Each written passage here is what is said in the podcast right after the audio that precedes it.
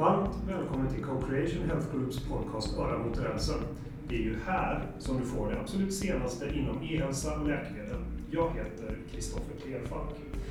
Ibland när man träffar en ny människa så känns det bara wow. Jag hade ett sånt eh, moment med dagens gäst när vi träffades för några veckor sedan. Visserligen var hon sen till vår lunch, så vår diskussion inleddes över telefon. Och ja, att kunna diskutera sjukvårdens digitalisering parallellt med att i lunchrusningen orientera sig fram till mig för att sedan övergå i en IRL-diskussion var tämligen roande. Varmt välkommen hit Darja Isaksson. Tack. Eh, den observante lyssnaren hör ju en del ljud här i bakgrunden. Det är för att vi sitter på Health Solutions kontor på Medborgarplatsen. Och på Medborgarplatsen en fredag eftermiddag så händer det massa saker. Vi får se här om det börjar spelas och sjungas eller om det är något kravall som, som upp, eh, uppstår. Eh, så ni får helt enkelt ha lite, lite tålamod med det. Men eh, Darja, kan du berätta lite grann om dig själv för lyssnarna som inte känner dig? Eh, absolut. Jag tänker att jag brukar börja med att säga att jag tror att jag jobbar med det jag gör för att jag växte upp i ett labb. En slags eh, 80-90-talets makerspace var det. Min pappa är en nörd i ordets sanna bemärkelse. Jag jobbade på den tiden på Televerket med att till exempel utveckla GSM-standard och sådana grejer. Men hemma fanns det alltid ett rum som var helt dedikerat till elektronik där det hängde små röda lådor på väggarna med dioder och transist ja, man skulle löda och programmera om man skulle vara med min pappa. Så då, då gjorde jag det. Mm, ja. Mm. Eh, sen kan jag, liksom jobbmässigt så Sen 2002 så har jag drivit bolag. Jag startade Sveriges första byrå som fokuserade på att jobba strukturerat med kopplingen mellan verksamhetsnytta och användarupplevelse. Mm och använda allt det som vi idag pratar om som UX och tjänstedesign och den typen av metodiker för både kravställning och liksom säkra kvalitet i, i digitala tjänster och produkter. Mm. I det så blev det också intressant när man jobbar med produkter som var både hårdvara och mjukvara eh, på konsumentsidan, så vi lärde oss en hel del. Och de sista ska säga, sju åren så har jag väl mest jobbat med att använda de erfarenheterna och metoderna i att stötta ledningar och styrelser i att bättre förstå Givet de möjligheter som finns, givet de förändrade beteenden och förväntningar som finns bland medborgare, konsumenter, beroende på vilka mottagarna är. Eh, vad blir det egentligen för nytt ekosystem? Vilken position skulle vi kunna ha? Vad är det bästa möjliga erbjudandet till kunden eller medborgaren? Så? Och vad mm. kräver det av oss? För mjukvaran har funnits, kapaciteten och tekniken har funnits, men så gäller det att mergea dem där och få ut största möjliga potential. Ja men eller hur, och jag kan känna ofta när jag är otålig så är det, så är det väl för att jag brukar ta Netflix som ett exempel. Att vi hade en hel bransch som hade alla samma erbjudanden baserade på samma typ av gammal teknologi som pekade finger på konsumenter och sa ni är omoraliska som har börjat ladda ner innehåll, ni är inte beredda att betala. Det var bara Netflix, som inte var en startup, utan en turnaround, som tog den tekniken som hade mm. funnits länge, även om den, var, den var, hade precis börjat bli mogen, och levererade på befintliga konsumentförväntningar. Och när de gjorde det, då, då förändrade de hela branschlogiken. Eh, och det är den, alltså för att se det, då tror jag att det är väldigt, väldigt bra att jobba med strukturerade sätt att förstå och se tidiga konsumentbeteenden, förstå vad som driver när får vi stora förändringar mm. i konsumentbeteenden, när inte och vad är det egentligen tekniken kan? Mm. Och den där typen av, det finns otroligt mycket viktig kunskap i styrelse och ledningsgrupper men de där två perspektiven eh, saknas ofta till stor del så det är otroligt spännande diskussioner eh, och väldigt nya möjligheter. Och jag tror att man också allt för ofta springer på, eller i alla fall är det min erfarenhet, att man har en viss ovana att ta till sig mönster och erfarenheter från andra sektorer än den man själv mm. verkar inom. Vilket gör att man kan missa gjort, grejer. Så här har vi gjort, det här har funkat, vi håller oss lite grann i den ledstången. Ja, och kanske och att man också mycket tittar på den e e utvecklingen inom det, den egna branschen för att liksom bedöma och då kan man missa en del grejer som, som är möjliga i den branschen men som redan har hänt på andra ställen. Mm. Hur ser eh, din, din en vecka ut nu för dig? Vad, vad jobbar du med idag? Eh, ja, alltså sen hände det väl en del grejer. På ett personligt plan så eh, hade jag eh, dels fött, fick ett barn vid tillfälle som föddes med en ganska ovanlig och stor tumör och jag hade en pappa som blev sjuk. Så jag hade ett ganska stort behov av att kunna styra över min egen tid så jag slutade som VD 2014 och byggde bort mig från den verksamheten jag jobbade i då. Mm. Och 2015 eh, och fokusera mer på, jag jobbar mycket med utbildning och föreläsning också, och så kort de här typen av strategiuppdrag själv då. Mm. Eh, Och sen så ringde faktiskt statsministern 2015 och frågade om jag ville vara medlem i det nationella innovationsrådet. Och då gjorde jag analysen att om man är VD för Ericsson eller Volvo, om man är rektor för KTH eller Göteborgs universitet, då kan man ju göra rätt mycket skillnad i sin roll. Mm. Om man är Darja Isaksson som inte har det mandatet, eller då tror jag att man behöver ha spring i benen. Mm. Så en vanlig vecka så har jag ganska mycket spring i benen faktiskt. Ja. Eh, Så jag Men försöker ta... i alla fall ja till det, att med i den. Ja, alltså i media hade jag ju sagt att jag tyckte vi istället behövde en nationell CDO som skulle driva på digitalisering. Men det är klart att när man får frågan så kände jag att det var, det var svårt att tacka nej. Så jag Ja. tackar gärna ja såklart. Men eh, så nu lägger jag en hel del tid på det. Att Ja. eh, träffa människor ute i verkligheten oavsett om vi pratar i tjänstemän eller eh, människor som jobbar i olika delar av offentlig sektor eller om vi pratar med de, de startup och innovativa bolag som finns. Mm. Eh, vad är det för saker som glappar och som vi behöver, som jag kan bidra med till att puffa på agendan. Ungefär så. Så du, du, ska, du ska ju ha örat, örat mot rälsen ganska rejält då. Så. Yes. Hur ser arbetet ut i, i Innovationsrådet? Eh, innovationsrådet består av, förutom statsministern, vice statsminister, minister för högre utbildning och forskning, näringsinnovationsminister och finansminister. Och så är vi ett antal eh, individer där, till exempel Charles Edqvist som är professor i innovation, KTHs rektor, Sigrid Karlsson, Meng Mindu som är styrelseproffs, Jane Wallerud som är affärsängel och eh, ja, vi är ett, ett gäng där. Och, ehm, Uppdraget för innovationsrådet är baserat på erfarenheter från förra regeringens innovationsråd. Mm. Eh, och, och det kan låta lite brutalt men det är faktiskt inte, vi har inte, vi sitter på ett personligt mandat att ge de råd och inspel som vi ser som relevanta. Att göra verkstad av de sakerna som diskuteras, det är ju upp till de olika departementen Mm. att göra. Ehm, Och så har vi då ett tematiskt arbete, så det är ett antal olika teman som man har berört under åren och en del som man kommer tillbaka till. Så jag kan väl säga så att hur konkreta förslag man faktiskt kommer med beror lite på vilken fråga det är och vad man har hunnit göra för arbete eller valt att göra för arbete mellan Ja. mötena. Men det är fyra möten om året. Så det är, Men det känns väl bra att du ska eh, helt, helt transparent ge din bild av saker? ja, det är, och då är kvaliteten på det mycket upp till Ja. springet i benen Ja. och eh, de, eh, den, den hjälp man får av människor utanför rådet. Ja, ja, häftigt. Men du, eh, den här podden handlar ju om e-hälsa och, och läkemedel och hälso och sjukvård. Hur, hur ser det ut ifrån din, ditt perspektiv för en IT-entreprenör som vill in i vården med sina disruptiva idéer? Ja, alltså du har ju gjort det så jag skulle vilja höra dina, dina erfarenheter. Mi, mitt perspektiv är väl ungefär, vi har ingen fungerande hemmamarknad. Och det är tråkigt. Och ibland så säger jag att det må ju vara att vi har 21 olika landsting. Men vi har 1600 integrationspunkter bara i Stockholms län. Vilket gör att om vi pratar om tech, Mm. som till sin natur jobbar med råvaran data, Mm. så funkar det inte i Sverige idag. Och man måste nästan stanna vid det. 1600 integrationspunkter. Mm. Såklart inte för varje enskild lösning då, men det säger en del om var Absolut. affären dör. Mm.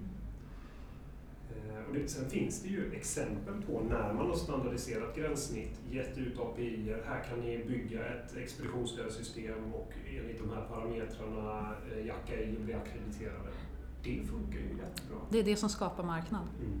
Eh, Men, men det är inte bara att det ska, så det finns ju flera perspektiv på det här. Mm. Det ena är att det skapar marknad, därför att när du har gjort en lösning så kan den skala i praktiken.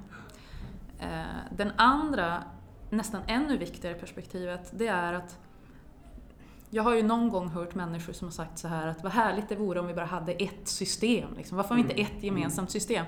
Och då vill man gärna slita sitt hår lite grann. Och så säger vi tar det här från början. Ett system är det kanske mest innovationshämmande man kan tänka sig. Och den draken som står bakom det systemet, eftersom jag har jobbat med sådana drakar, Mm. då kan jag bara säga så här, hej lilla landet Sverige, alla de ändringar och önskemål ni har kommer komma så långt ner i wishlisten Ja. från alla de andra kunderna.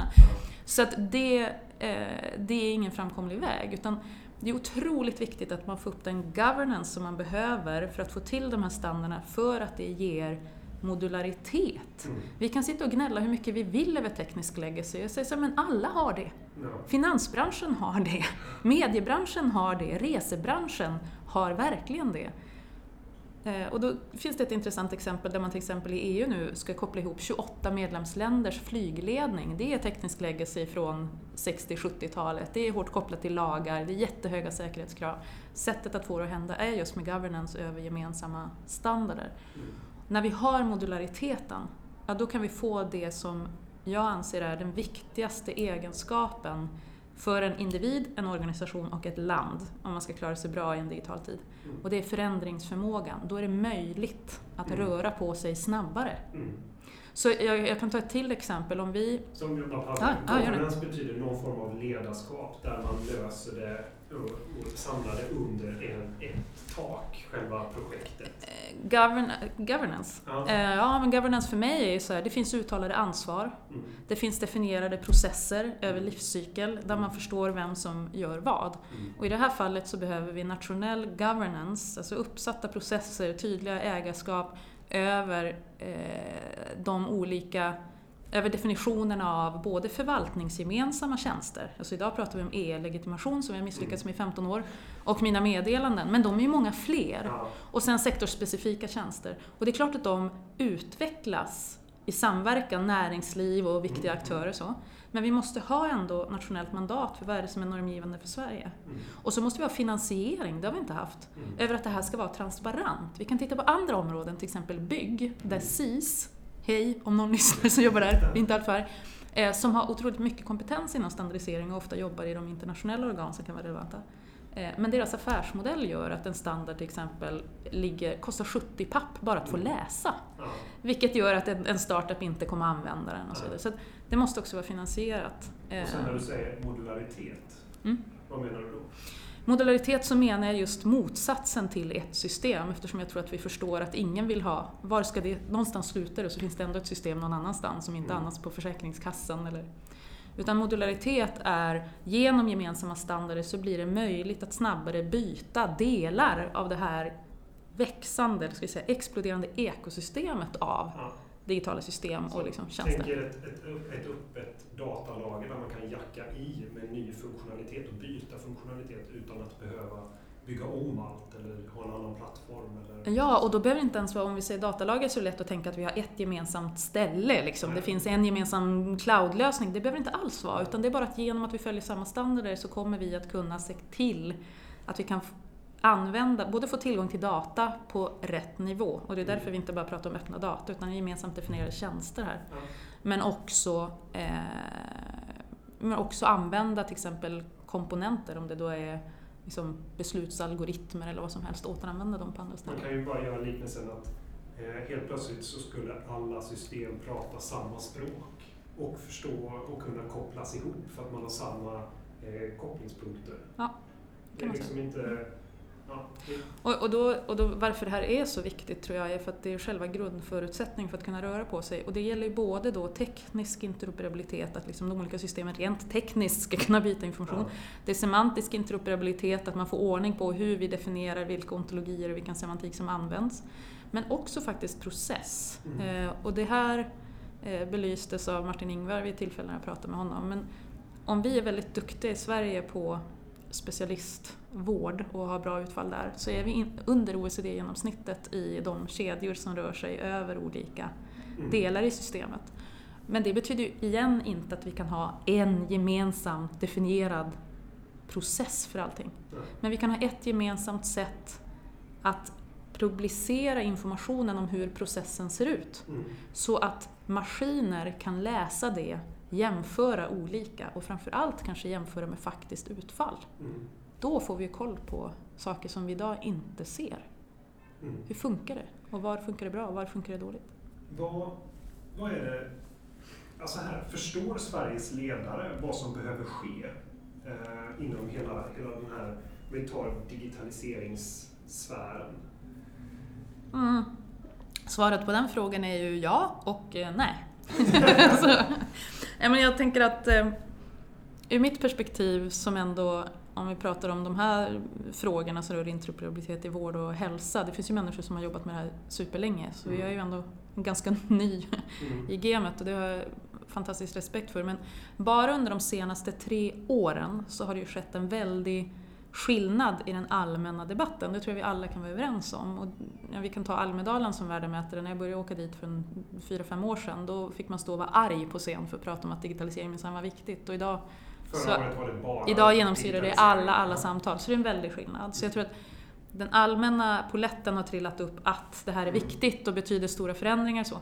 Men, men nu är det ju mer så här okej, vilka justeringar i styrande instruktioner, oavsett om vi pratar på nationell, regional eller liksom någon enhetsnivå, vad är det som verkligen gör skillnad? Vilka uppdrag gör skillnad? Vad är det vi egentligen behöver göra? Mm. Eh, det är ju en mer komplex fråga och som, som man brottas med och det finns väldigt olika mognadsgrad i det. Eh, jag hade någon, eh, en, en aktivitet tillsammans med 13 kommundirektörer och hade ett samtal omkring till exempel, men i de här ledningspositionerna, ni får ju inte prata om huruvida vi ska ha en app eller inte, vilket de hade gjort en del. Mm. Ni behöver ju ta ansvar för den här mjuka infrastrukturen. Vilka typer av tjänster och vilka typer av data är gemensamma mellan alla våra kommuner, gemensamma behov? Och hur ser vi till att vi får upp definitionen av dem? Så att vi får en fungerande marknad så att innovativa bolag kan komma med tjänsterna. Och det handlar ju om medborgarnyttan. Mm. Eh, en en enskild kommun, eller för den delen ens landet, vi är bara 10 miljoner, kommer mm. aldrig kunna erbjuda tillräckligt bred flora av tjänster för att ge den individualisering som behoven idag faktiskt kräver. Så det kan man glömma att själv, lika lite som ett mobiltelefonbolag idag kan eh, dominera och äga vilka tjänster vi ska använda i telefonen. Ja. Det krävs ju app stores för att få den här individualiseringen. Ja, ja men det är samma sak men när det gäller... Men se bara hur det exploderade på bara några månader.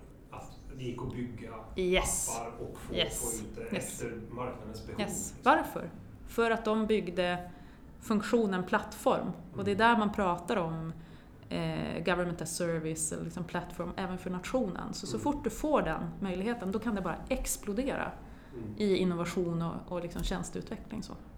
Men inte förrän dess. Jag träffar ju många entreprenörer nästan varje, liksom dagligen sådär. Och, och det som är så häftigt, det är ju att när det finns möjligheter inom ett område, mm. då kommer det finnas mm. folk som, ska, mm. som vill jobba med det. Eh, men är det för svårt att få eh, komma in eller för svårt att bygga saker, det är för många gränssnitt, det är för många kopplingspunkter. Mm. Då, sysslar man, då sysslar alla de här entreprenörerna med något annat. Med något annat, ja. visst är det så. Mm. Och det är ju, jag tänker också att det är ju sällan, det är ju sällan tekniken som är det svåra. Mm. Eh, och ibland kan det vara idén, att det krävs mycket kunskap för att faktiskt kunna ha en skarp förbättringsidé. Eh, och så är det ju inte, inte minst inom många områden som rör, eh, som rör vård eh, till exempel. Men även där kan man jobba systematiskt med att synliggöra behoven. Och det är ju en sån sak som man pratar mycket om idag inom industrin. Hur kan industrin bli bättre på att synliggöra vad de faktiskt brottas med för problem för att göra det lättare för nya aktörer att komma in och adressera dem. Så det är ju också en jag ska säga en processfråga. Många stora bolag eh, hela tiden nu öppnar upp för startups att, mm. att vara i deras eh, omnejd. Så ja. att kom och sitt här och jobba. Eh, de vill ha kontakt med eh, nystartade bolag, innovativa. Mm. För mm. mycket av innovationen kommer ur, ja. ur de här fröna som växer upp. Yes. Eh, och det är också ett uppvaknande som man mm. inte hade riktigt förut. Utan man, när, när det var någonting som fick sköta sig själv och sen så när de blev stora så tog man mm. och, och, mm. och tittade på det. Så man, ska man prata om det här, för det är lätt, innan bara det här så är det ett brett spektrum på olika eh, lösningar som behöver komma fram, men om vi åtminstone ser till att eh, all den innovation som nu händer i form av... Oj! Eh, jo, men jag tänker att... Eh, var var jag? Jo, det som också händer, jag ska bara lägga på det, mm. eller jag kan återkomma till det, men jag tänker att ur ett globalt perspektiv så rör det på sig idag väldigt, väldigt snabbt. Det mm. kommer fram många nya innovativa lösningar. Och då handlar det ju om systemet på ett systemnivå, att, att hitta processerna och arbetssätten som gör att de ganska snabbt kan ge nytta till svenska medborgare. Mm.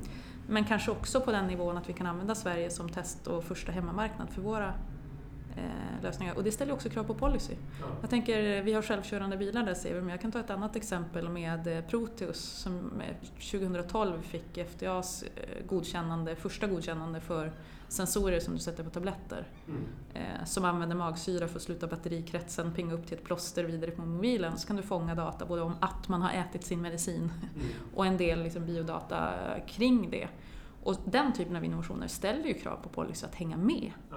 Eh, Och det är också väldigt viktigt. Där är jag också väldigt glad över att Vinnova till exempel idag har fått i uppdrag att börja jobba med ett policy lab som just ska adressera de här de utmaningarna. Mm.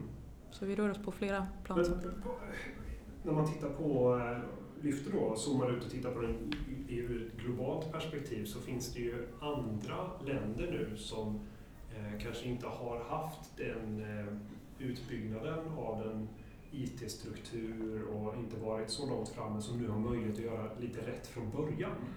Eh, det händer mycket i Östeuropa och syd, Sydosteuropa. och Sådär. Vad, eh, vad, vad behöver Sverige göra nu för att inte bli omsprunget? Ja, jag tänker att i någon mening så är vi ju delvis omsprungna. Mm. Ett par år så fick man tjata om Singapore och folk sa att det är ju en diktatur men vi kanske ska skilja på strategi, arkitektur och, eh, Eh, och huruvida ja, statsskick sådär. Men idag så är ju Estland, det är intressanta saker, Finland, eh, till och med Danmark, Storbritannien och så vidare. Så vi behöver inte titta så långt. Eh, vi är tillbaka till basics som vi har pratat om länge men fortfarande inte riktigt fått ändan ur. Nu har vi ju en, en nationell gemensam handskakning mellan Socialdepartementet och SKL, det är ju jättebra men vi behöver verkligen ha E-hälsomyndigheten på banan med att jobba med normering på interoperabilitet och vi behöver få, jag skulle säga spännande att SKL har köpt Inera Eh, men också viktigt att det landar rätt. För det är en sak att jobba med att definiera tjänsterna, det är en annan sak att också vara en av parterna i målet som levererar de här. Därför att där konkurrerar man ju med de spännande startup-företagen. Så där behöver man bara vara väldigt noga med hur man riggar det så att det funkar bra. Så jag tror att det är de viktigaste sakerna. Mm.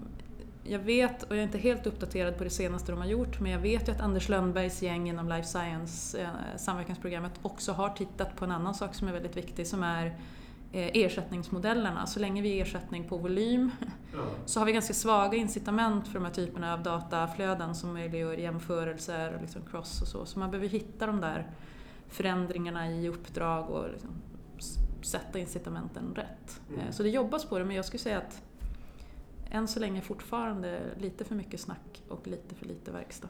Det, är, det är ju tufft, även om man då ser vad som behöver göras så ska det ju gå igenom i alla led. Det ska ju liksom hela vägen ner till hur skriver man en upphandling i, Ja.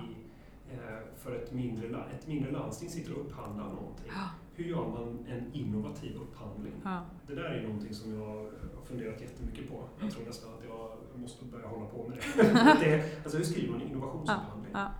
Hur skriver du en upphandling för att få en innovativt eh, resultat? Mm. Och där har vi en ny myndighet som också ska jobba med det. Så man har ju fått nya förutsättningar nu att man Mm. faktiskt får göra både info, eh, innovations och funktionsupphandling, vilket inte var möjligt för bara något år sedan. Eh, Så idag så har man ju spelrummet, då handlar det om att bygga kompetensen att göra det. Men jag tänker att vi kan ju använda den typen av upphandlingar när vi vill lösa saker på ett innovativt sätt. Mm. Men för alla nästan traditionella upphandlingar också så behöver man ju lägga till den här kompetensen att ställa krav på interoperabilitet. Så jag skulle säga så här, börja åtminstone där. Eh, Så att man inte igen köper ett system som låser fast informationen och vi inte kommer vidare och med alla legacy-problem som vi vet kommer med det. Så att hygiennivå 1. Ja, Ställ bra krav på, på interoperabiliteten och samverka där då mellan landstingen. ja, Eh, Sen samtidigt dra igång organisationer som bygger kompetensen på de innovationsupphandlingarna för att hitta de här nya lösningarna. ja. Hitta arbetssätten för hur tillgängliggör vi på ett kontrollerat och patientsäkert sätt Mm. patientgrupper för innovationsprojekt som vi behöver för att hitta de här nya arbetssätten. Mm. Det är ju en, tycker jag, spännande fråga som jag vet att en del landsting jobbar med. Men, ja. Och det är ju det är ju ungefär vad, vad, vad som bör eh, diskuteras på, på många möten runt om i, i landet. Just de här frågorna. Ja. De bör ju ligga högt upp på alla agendor. Vad läste du om Kina här eh, tidigare i veckan? Eh, jo, men jag har en liten spaning så här. Det jag läste det var att Kina, jag ska citera, China announces medical tourism special economic zone on Hainan Island. Uh, Hainan Island will be a designated special economic zone for medical tourism where foreigners will be able to fly to get cheap healthcare. Och så står det så här, This, the zone will also have its own regulatory regime for medical experimentation, notably with stem cells permitting research that is forbidden or controlled elsewhere in the country. När Petter Stordalens fru har en tuff dödlig sjukdom så åker hon inte till Oslo-hospitalet. Men när kostnader för resor och minskar och transparensen på vad, vilka behandlingar som funkar och inte ökar, ja, men då driver ju det ett visst mm. beteende, en viss förväntan, inte bara hos de som har tillräckligt mycket pengar i Stormrika, utan hos alla. Mm. Så det är den ena kraften nu, att om man tittar vad millennials är, som jag ser det, så är det den första riktigt eh, globaliserade generationen i mänsklighetens historia, Mind and Matter. De har en, ett annat mm. perspektiv, så de här beteendena är inte konstiga. Mm. Om vi då lägger bredvid två intressanta saker, jag tror att alla lyssnare här känner till Kry och kan vara förhoppningsvis ivriga påhejare. Go Kry och min doktor. Och eh, Medicheck. Och Medicheck, tack. Men om vi då tittar på kombinationen av att man på WeChat idag i Asien kan boka sin läkartid, ratea sin läkare, och transparens på det, betala skatt, böter och så vidare. Och att Facebook nu får en massa er, eh, laglig rätt att agera bank och hantera värdekedjor. Och så tänker ni på vad Kaiser Permanente gör, från försäkring till hela vårdkedjan. Mm. Lägg ihop de här olika sakerna, vad får vi då? Mm. Vad händer den dag WeChat eller Facebook erbjuder sina följare en global välfärdsförsäkring? Där de har upphandlat allt ifrån primärvård till förskola oavsett var det är i världen. Vad händer den dagen som WeChat väljer att erbjuda ett online-doktormöte? Vad behöver de göra för att de ska vara relevanta för mig? De behöver bara ha någon som pratar svenska. Det är framförallt en tonalitetsfråga, att de ska bry sig om vår lilla skruttmarknad. Det är ju den stora grejen som inte kommer att hända anytime soon. Men det som är spännande är att du omstrukturerar liksom vårdkedjorna. Jag tror att det finns många delar i vårdkedjan som du kan ta på global skala och då får du skalfördelar och kostnader som gör att frågan är när vi idag sitter och säger så här, men vi finansierar på nationell nivå, det är bara om du har ett avtal med landstinget du kan få kostnaden för individen att vara hanterlig. Mm. Ja, 350 spänn för ett akutbesök. Mm. Det kanske WeChat också kan erbjuda mig. Vad det lider liksom. Det är bara Alltså, det är bara att koppla ihop och ju, ju bättre API man har mellan sig så är det ju knapptryckningar bort. Liksom. Ja, så det är många saker som på något sätt verkar börja mogna nu som ger någon slags perfect storm på att börja ställa om ganska stora värdekedjor i det här systemet.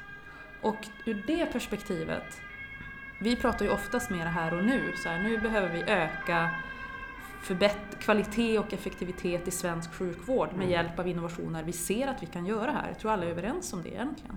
Men det större perspektivet säger ju också till mig, om vi inte ens lyckas med det, vad har vi då för välfärd de dag de här större kedjorna, pusselbitarna, verkligen jackar in i varandra? Ja, då bara kommer det smälla till. Ja. Jag, blev, jag blev uppringd eh, för bara några veckor sedan av en bekant som har bott eh, runt omkring Dubai nu de senaste åren. Eh, och han berättade att nu måste vi göra någonting åt det här. Alla jag träffar inom hälso och sjukvården här nere vill komma till Sverige och ha en del av Sverige, bygga, lära sig svensk hälso och sjukvård som har ett jättegott renommé. Och, Med all rätt, för ja, övrigt. Ja, ja, absolut. Och det, jag bara funderar på vad som görs inom de områdena. Liksom. Ja, och jag, det här kan jag ju ha, det här har jag bara hört hörsägen, men efter vad jag förstår så har det faktiskt inträffat att ett land som Dubai eller motsvarande kom till Sverige och sa att vi har ju också, vi har lågt befolkningsunderlag, vi har svårt att få tillräcklig liksom, volym för att klara av de här tuffa eh, diagnoserna som ni är världsledande på. Kan inte ni drifta ett sjukhus åt oss? Så, och då svarar våra landsting bara, eh, nej men sånt gör inte vi. så här, ah vad jobbigt. Därför att jag, mitt personliga perspektiv på det här är att jag faktiskt har, eh, mitt första barn föddes med en väldigt ovanlig diagnos, eh, sakrokoxial teratom. Och jag fick prata med en kirurg som säger till mig så här, det här är en sån ovanlig diagnos så vi har inte haft något barn med det här på nästan tio år. Men ni har lite tur för det smällde till där och nu har vi haft fyra stycken som jag har hunnit öva på innan jag sätter kniven i din sex dagar gamla son. Vi är bara 10 miljoner. Vi är en stad i ett globalt kontext. Ju mer vi lär oss och ju fler diagnoser vi har som är riktigt tuffa, desto svårare blir det ju. Du måste ju ha tillräckligt patientunderlag för att liksom driva det och då börjar vi titta på andra vårdkedjor. Och steget är ju inte jättelångt för att specialisera sig inom några områden och sen ta Europas patienter inom det området. Nej. Skulle kunna vara. Kan man ju tänka sig. Och samtidigt så ser vi också i den andra, för att jag antar att de flesta som lyssnar på den här podden är, är överens också om det här. Vi ser demografin, vi ser kostnadsökningarna, mm. vi ser problemen och så har vi vad jag skulle kalla ett gigantiskt och ganska farligt eh, opinionsgap. Där inne i systemet så är det här självklarheter, men titta på Aftonbladet-löpet, där låter det bara så här, vad snackar ni om digitalisering? Vi behöver fler vårdplatser, mera mm. pengar på problemet. Mm. Men det är ingen här inne i systemet som som tror på det, utan alla förstår att vi har inget val. Vi behöver förändra arbetssätt, vi behöver riva de här silorna, vi behöver få data att röra sig emellan och verkligen få upp förändringstempot. Men då tänker jag så här, vilket ansvar har alla vi att också bidra till att stänga opinionsgapet? Därför att jag har inte faktiskt sett forskning på det här men min, min eh, personliga erfarenhet och därmed magkänsla i det här, så jag bara öppen med att jag har lite dåligt på fötterna, men jag tror att många svenskar tror att vi har bättre koll på data, tror att deras mm. information används mycket mer systematiskt än vad den gör till både forskning och förbättring och att ge dem bästa möjliga vård. Och sådär. Um, så att vi, ja.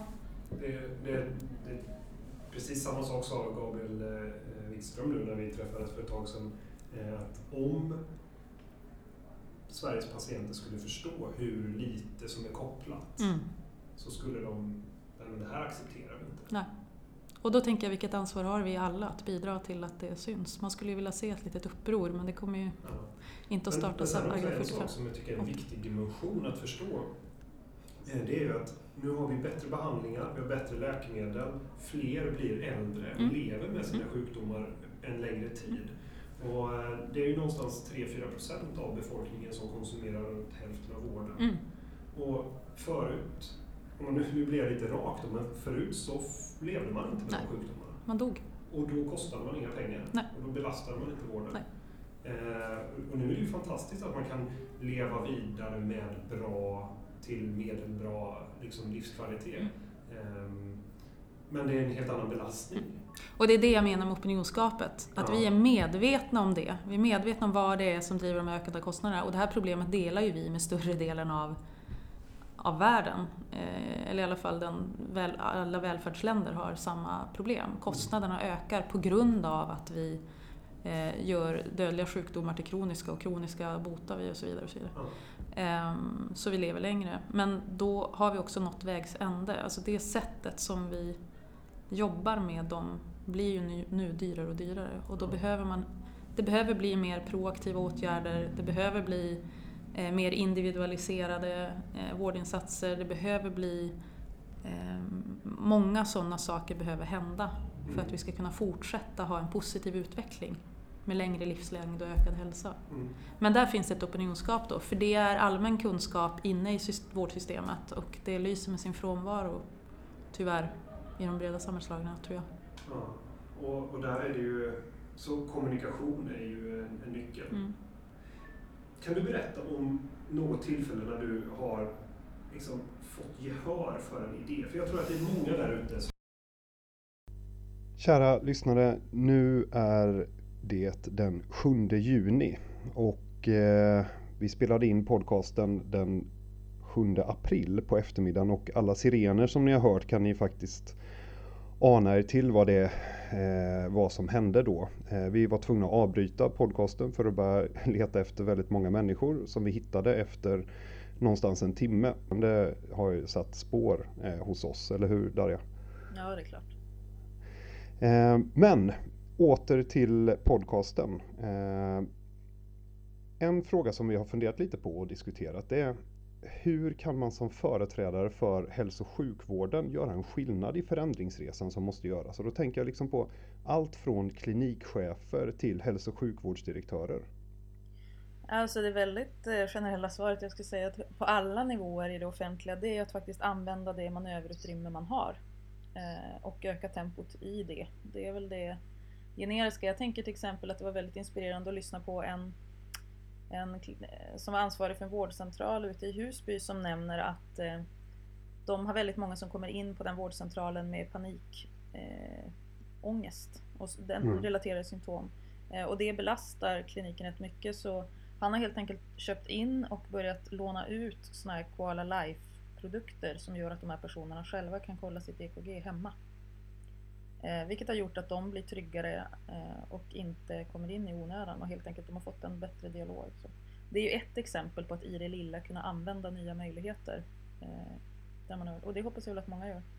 Mm. Så att vara lite otålig och då tänker jag ju lite så att om man idag till exempel förstår, eller vi pratade om det tidigare, men jag säger Kry eller min doktor, om det är så att man tycker att de inte är tillräckligt bra, då ska man ju ställa krav på dem. Ja. Eller så ska man jobba för att utveckla någonting som är bättre. Ja. Eh, för vi ja, vet att vi behöver det. Så det är ju en sak att faktiskt agera i det manöverutrymme man har och vara rätt otålig. Eh, men sen tänker jag också, och det är ju superviktigt, att höja sin röst och ställa krav på systemleverantörer att data ska vara tillgängligt mellan system. Det är det här tungdrickarordet interoperabilitet. Ja. att, att, information aldrig får bli fastlåsta och där behöver man samarbeta. Eh, och jag tror att det spelar stor roll om eh, klinikchefer, hälso och sjukvårdsdirektörer eh, är tydliga med det. För det är centralt att vi ska kunna jämföra och använda data mellan vårdenheter och landsting, eh, men också länder. Och sen den tredje saken som jag tänker på när du frågar mig det, det var att det är ju inget konstigt att vi idag sitter i små silos. Och det är inget konstigt att det finns förändringsrädsla och motstånd i alla verksamheter. Eh, men där kommer ju det här otroligt viktiga ledarskapsperspektivet in. Eh, och man behöver vara så tydlig och så ärlig som möjligt i vad, vad det sitter i och vad som behövs. Och då tänker jag så här, vi vet att det handlar om både ersättningsmodeller, kultur, att verksamheter har lång erfarenhet av skitsystem, för att parafrasera Jonas Söderström. Men det, men det handlar också om bristande processer för informationsförsörjning och krav på de här mm. sakerna. Eh, och nu måste vi adressera alla. Eh, det går liksom inte att komma förbi. Och sen, så, sen tar det ju lite tid att hitta formen för en ny, eh, ett nytt sätt att arbeta och ny, ny metodik. Och då gäller det ju att alla är på där för att hitta den optimerade, liksom, optimerat arbetssätt. Ja. Och att, att äh, regelverket hänger med så att det inte blir ett problem för att oj, det här, det passar inte in i vårt gällande regelverk. Det är ju extremt viktigt också. Det är jätteviktigt och det är en stor utmaning att få regelverket att hänga med. Eh, samtidigt om man tittar på de gånger som regelverk lyfts som problem så är det också så att i många fall så är det A. En tolkning av regelverket som kan vara lokal. Eller B. En självpåtagen regel inom ett visst landsting. Eller C. Alltså det, det, om vi tittar på helheten upp på nationell nivå så är det långt ifrån alltid som det är lagen som är grundproblemet. Och där är det också så nu citerar någon annan person som säger så här att det är också så att lagar sällan ändras om inte någon har stött emot den hårt Exakt. några gånger. Och sen en, också ett, ett medskick jag vill göra också till alla hälso och sjukvårdsföreträdare på något sätt, det är ju att eh, 99 procent av gångerna man går till kanske en jurist och frågar mm. kan, får vi göra så här? Så ja. får man kanske ett direkt nej. Ja. Och då kan det vara ganska klokt att utmana den juristen lite grann. Jag säger inte att man ska vara otrevlig på något sätt. Jag säger bara att men om vi gör det, vad händer då? Och ja. vad är risken kanske på något sätt att någonting händer om vi gör det? så, att man får liksom en, ja. Ja, att man får en analys på det yes. istället för att all, för ofta om man frågar någon och, som, som då tycker att man ska vara innanför boxen, mm. då får man ofta ett nej. Så är det. Så därför eh, med min uppväxt så är det så här, man ska inte be om lov i onödan. Men om man känner att man måste det. Så det du säger här och som jag verkligen håller med om, det är så här, fråga inte om man får. Utan be om riskbedömning som du säger och om mm. handlingsalternativ. Ja. Eh, då får man ett, ett annan typ av svar. Ja. Men, och, vad har du för tips då till entreprenörer inom hälso och sjukvården? Alltså den, det hårda som jag ville säga det är väl så här, men tänk inte på hemmamarknaden Sverige. tänk, tänk större direkt. Men, eh, för det finns ju trots allt en värld där ute Eh, samtidigt så är det lite sorgligt för jag är ju en av dem som försöker lägga mycket tid och engagemang på eh, just Sverige. Men en reflektion som jag kan göra, det Spotify till exempel lyckades med först och de fick ju slåss emot en väldigt väletablerad bransch med mycket muskler. Det var ju inte tekniken, för den fanns redan. Mm. Det var inte idén, som också fanns, man sprang på den där omkring. Men däremot, om jag minns storyn rätt på vad det de verkligen gjorde bra, så var det ett upplevelsebaserad införsäljning till toppbeslutsfattare. Ergo, de lät toppbeslutsfattarnas barn testa de här produkterna först, innan de tog mötena. Eh, men sen, och det här är ganska viktigt, så rustade de sig med den juridiska kompetensen som krävdes för att baxa det här i land. Så det betyder att hela insikten om vad som det borde vara och bygga själva produkten och skapa det här erbjudandet, det var nog den enkla biten i sammanhanget. Mm. Och jag förväntar mig att det är precis samma utmaning för Kry, min doktor, iFlu och så vidare. Det svåra nu är att få avtalen och i bemärkelsen tilliten, få, få liksom den relationsmässiga avtalsmässiga biten att fungera och de juridiska bitarna att fungera. Medan att se, bygga och tillhandahålla tjänsten är relativt enkelt. Eh, och då tänker jag att där behövs ju förankring, förankring och delaktighet. Så jag tänker att man ska nog lägga mer eftertanke nästan på sin styrelse och sin advisory board än på produkten. Ja. För produkten i allt digitalt utvecklas ju förhoppningsvis snabbt om man i alla fall har gjort den hemläxan något som är rätt. Ja. Och sen också att, att få en, en, skalbar produkt så att man kan få en, en global spridning. Alltså det är ja. också en Men det, och det handlar ju om hur man behöver tänka omkring produkten och det är det jag menar, tänk ja. inte hemmamarknad. Ja. Nej, nej, eh, och det ser vi ju faktiskt med många av de produkter vi gör nu och det får man också komma ihåg att fysiska produkter rör sig ju lite långsammare än digitala i bemärkelsen alltifrån CE-märkning till investering i att ta fram den till hur den rör sig ute på marknaden. Mm. Eh, och då är det ju viktigt att skikta arkitekturen så man har så mycket som möjligt i det digitala så man kan utveckla snabbare. Ja, just. Du Darja, har du vid något tillfälle sådär sett in i din kristallkula vad som kommer att hända, haft en stark magkänsla och sen har du haft rätt. Har du, har du något sånt där exempel bara att ah, här sa jag det här och sen hände det här? Har du, du någon sån har jag typ en epic fail som jag är lite bitter över? ja, några stycken faktiskt. Men jag, eh, en grej som jag vet att jag berättade för dig och som, jag, som har ändå har påverkat mig mycket det var att jag jobbade åt ett stort telefonbolag med mitt team för många år sedan eh, omkring 2005 och då fick vi uppdraget, kan ni titta på touchscreens och se vad de betyder för oss, vad vi ska tänka på när vi designar mobiler för det här. Mm. Och då kom vi tillbaka och vi pratade med deras ingenjörer och vi pratade med olika marknader och så. Så kom vi tillbaka och sa tänk på det här med design guidelines. Men det viktigaste är insikten är idag har ni 43 produkter för att nå olika segment på marknaden. Imorgon kan ni ha en fysisk produkt med mindre mekanik, effektivare produktion och så kan ni tillhandahålla den mest, bästa individualiserade upplevelsen som går och så ritar jag min svärfar och visar hur han på sin hemskärm skulle ha fyra knappar, sin fru, sina två barn och Avanza och så säger jag han kan inte skicka e-post men han kan handla med aktier online. Jättekonstig typ av person som aldrig mm. kommer att finnas i en målgruppsbeskrivning. Han kan få sin bästa upplevelse någonsin om ni klarar av att tillhandahålla den här mobilen men då måste ni sluta själva försöka bygga upplevelserna i mobilen. Jag kunde inte säga apparna, det var inte det då. Ni måste bygga en plattform för världen mm. att bygga tjänster på. Eh, och det fanns liksom ingenting då. Man försökte peka på så här Facebook app, plattform så. Mm. Eh, och vi fick dra den där faktiskt för högsta ansvariga i ledningen och sådär. Och de tittade på oss och så sa de att ni muckar med våran affärsmodell. Har ni vi visste också att de behövde byta, vi visste också att de behövde byta ut arkitekturen och operativet ja. och sådana. Alltså det var stora investeringar vi snackade om, det var inga små beslut. Så jag har stor respekt för det. Eh, men att de inte ens kunde tänka tanken var en sån grej. Eh, och sen kom vi tillbaka till dem efter att iPhone hade släppts och sagt nu har de gjort allt. Utom det viktigaste, plattformen för App Store hade ju inte släppts. Nej. Så det här har de inte gjort än och det är det här som är grejen med hela den här förändringen. Eh, men det det lärde mig, det var ju den här att när man ska ställa om hela affärsmodellen, det är så pass stora beslut så man behöver ha styrelse och VD behöver se det. Mm. Eh, så det är det jag menar med att polletten behöver trilla upp. Innan de gör det så kommer människor inne i organisationen kunna se det och skrika hur mycket de vill och springa in i väggen, men det kommer inte riktigt att gå.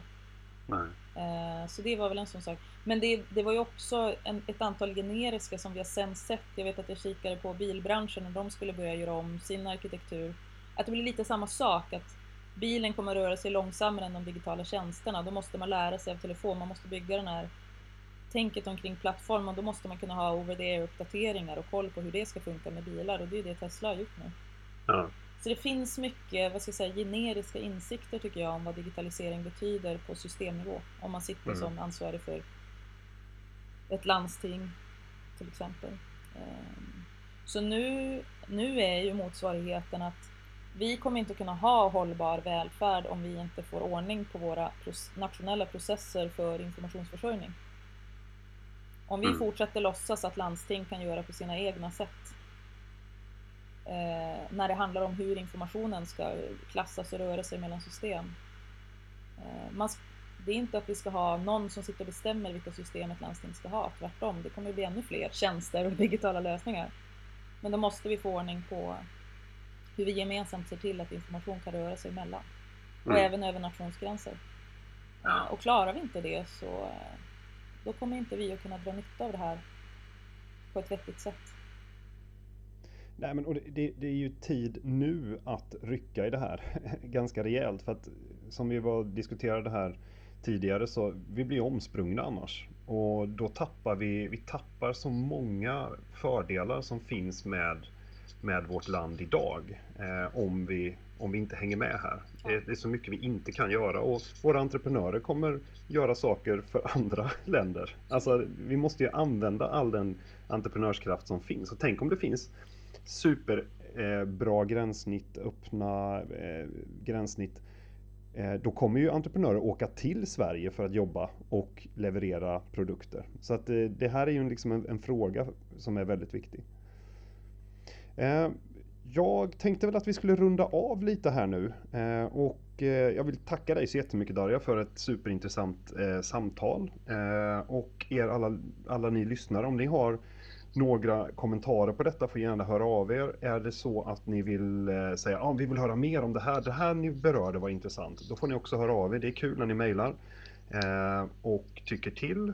Eh, eller att du, vi tycker att ni ska träffa den här personen nästa gång och det här måste ni spinna vidare på. Eh, så med det så vill jag önska er alla som nu sitter eh, under sommaren här och lyssnar på, på detta en jättetrevlig sommar. Jag kanske Darja vill önska samma sak. Självklart. Förhoppningsvis, ja det var, det var ju tur det. Um, och eh, tack så mycket för oss. Eh, har du någon, något du vill avrunda med Darja? Nej, jag är bara glad att jag fick vara med och jag välkomnar också alla möjliga inspel och feedback. Vi kan mm. säkert, eh, jag kan väl ha någon, man når mig på Twitter om inte annat. Ja. Men eh, tusen tack allihopa så eh, hörs vi snart igen. Hej då! Tack. Denna podcast är gjord av Co-Creation Health Group, en konsultgrupp inom management, e-hälsa och läkemedel.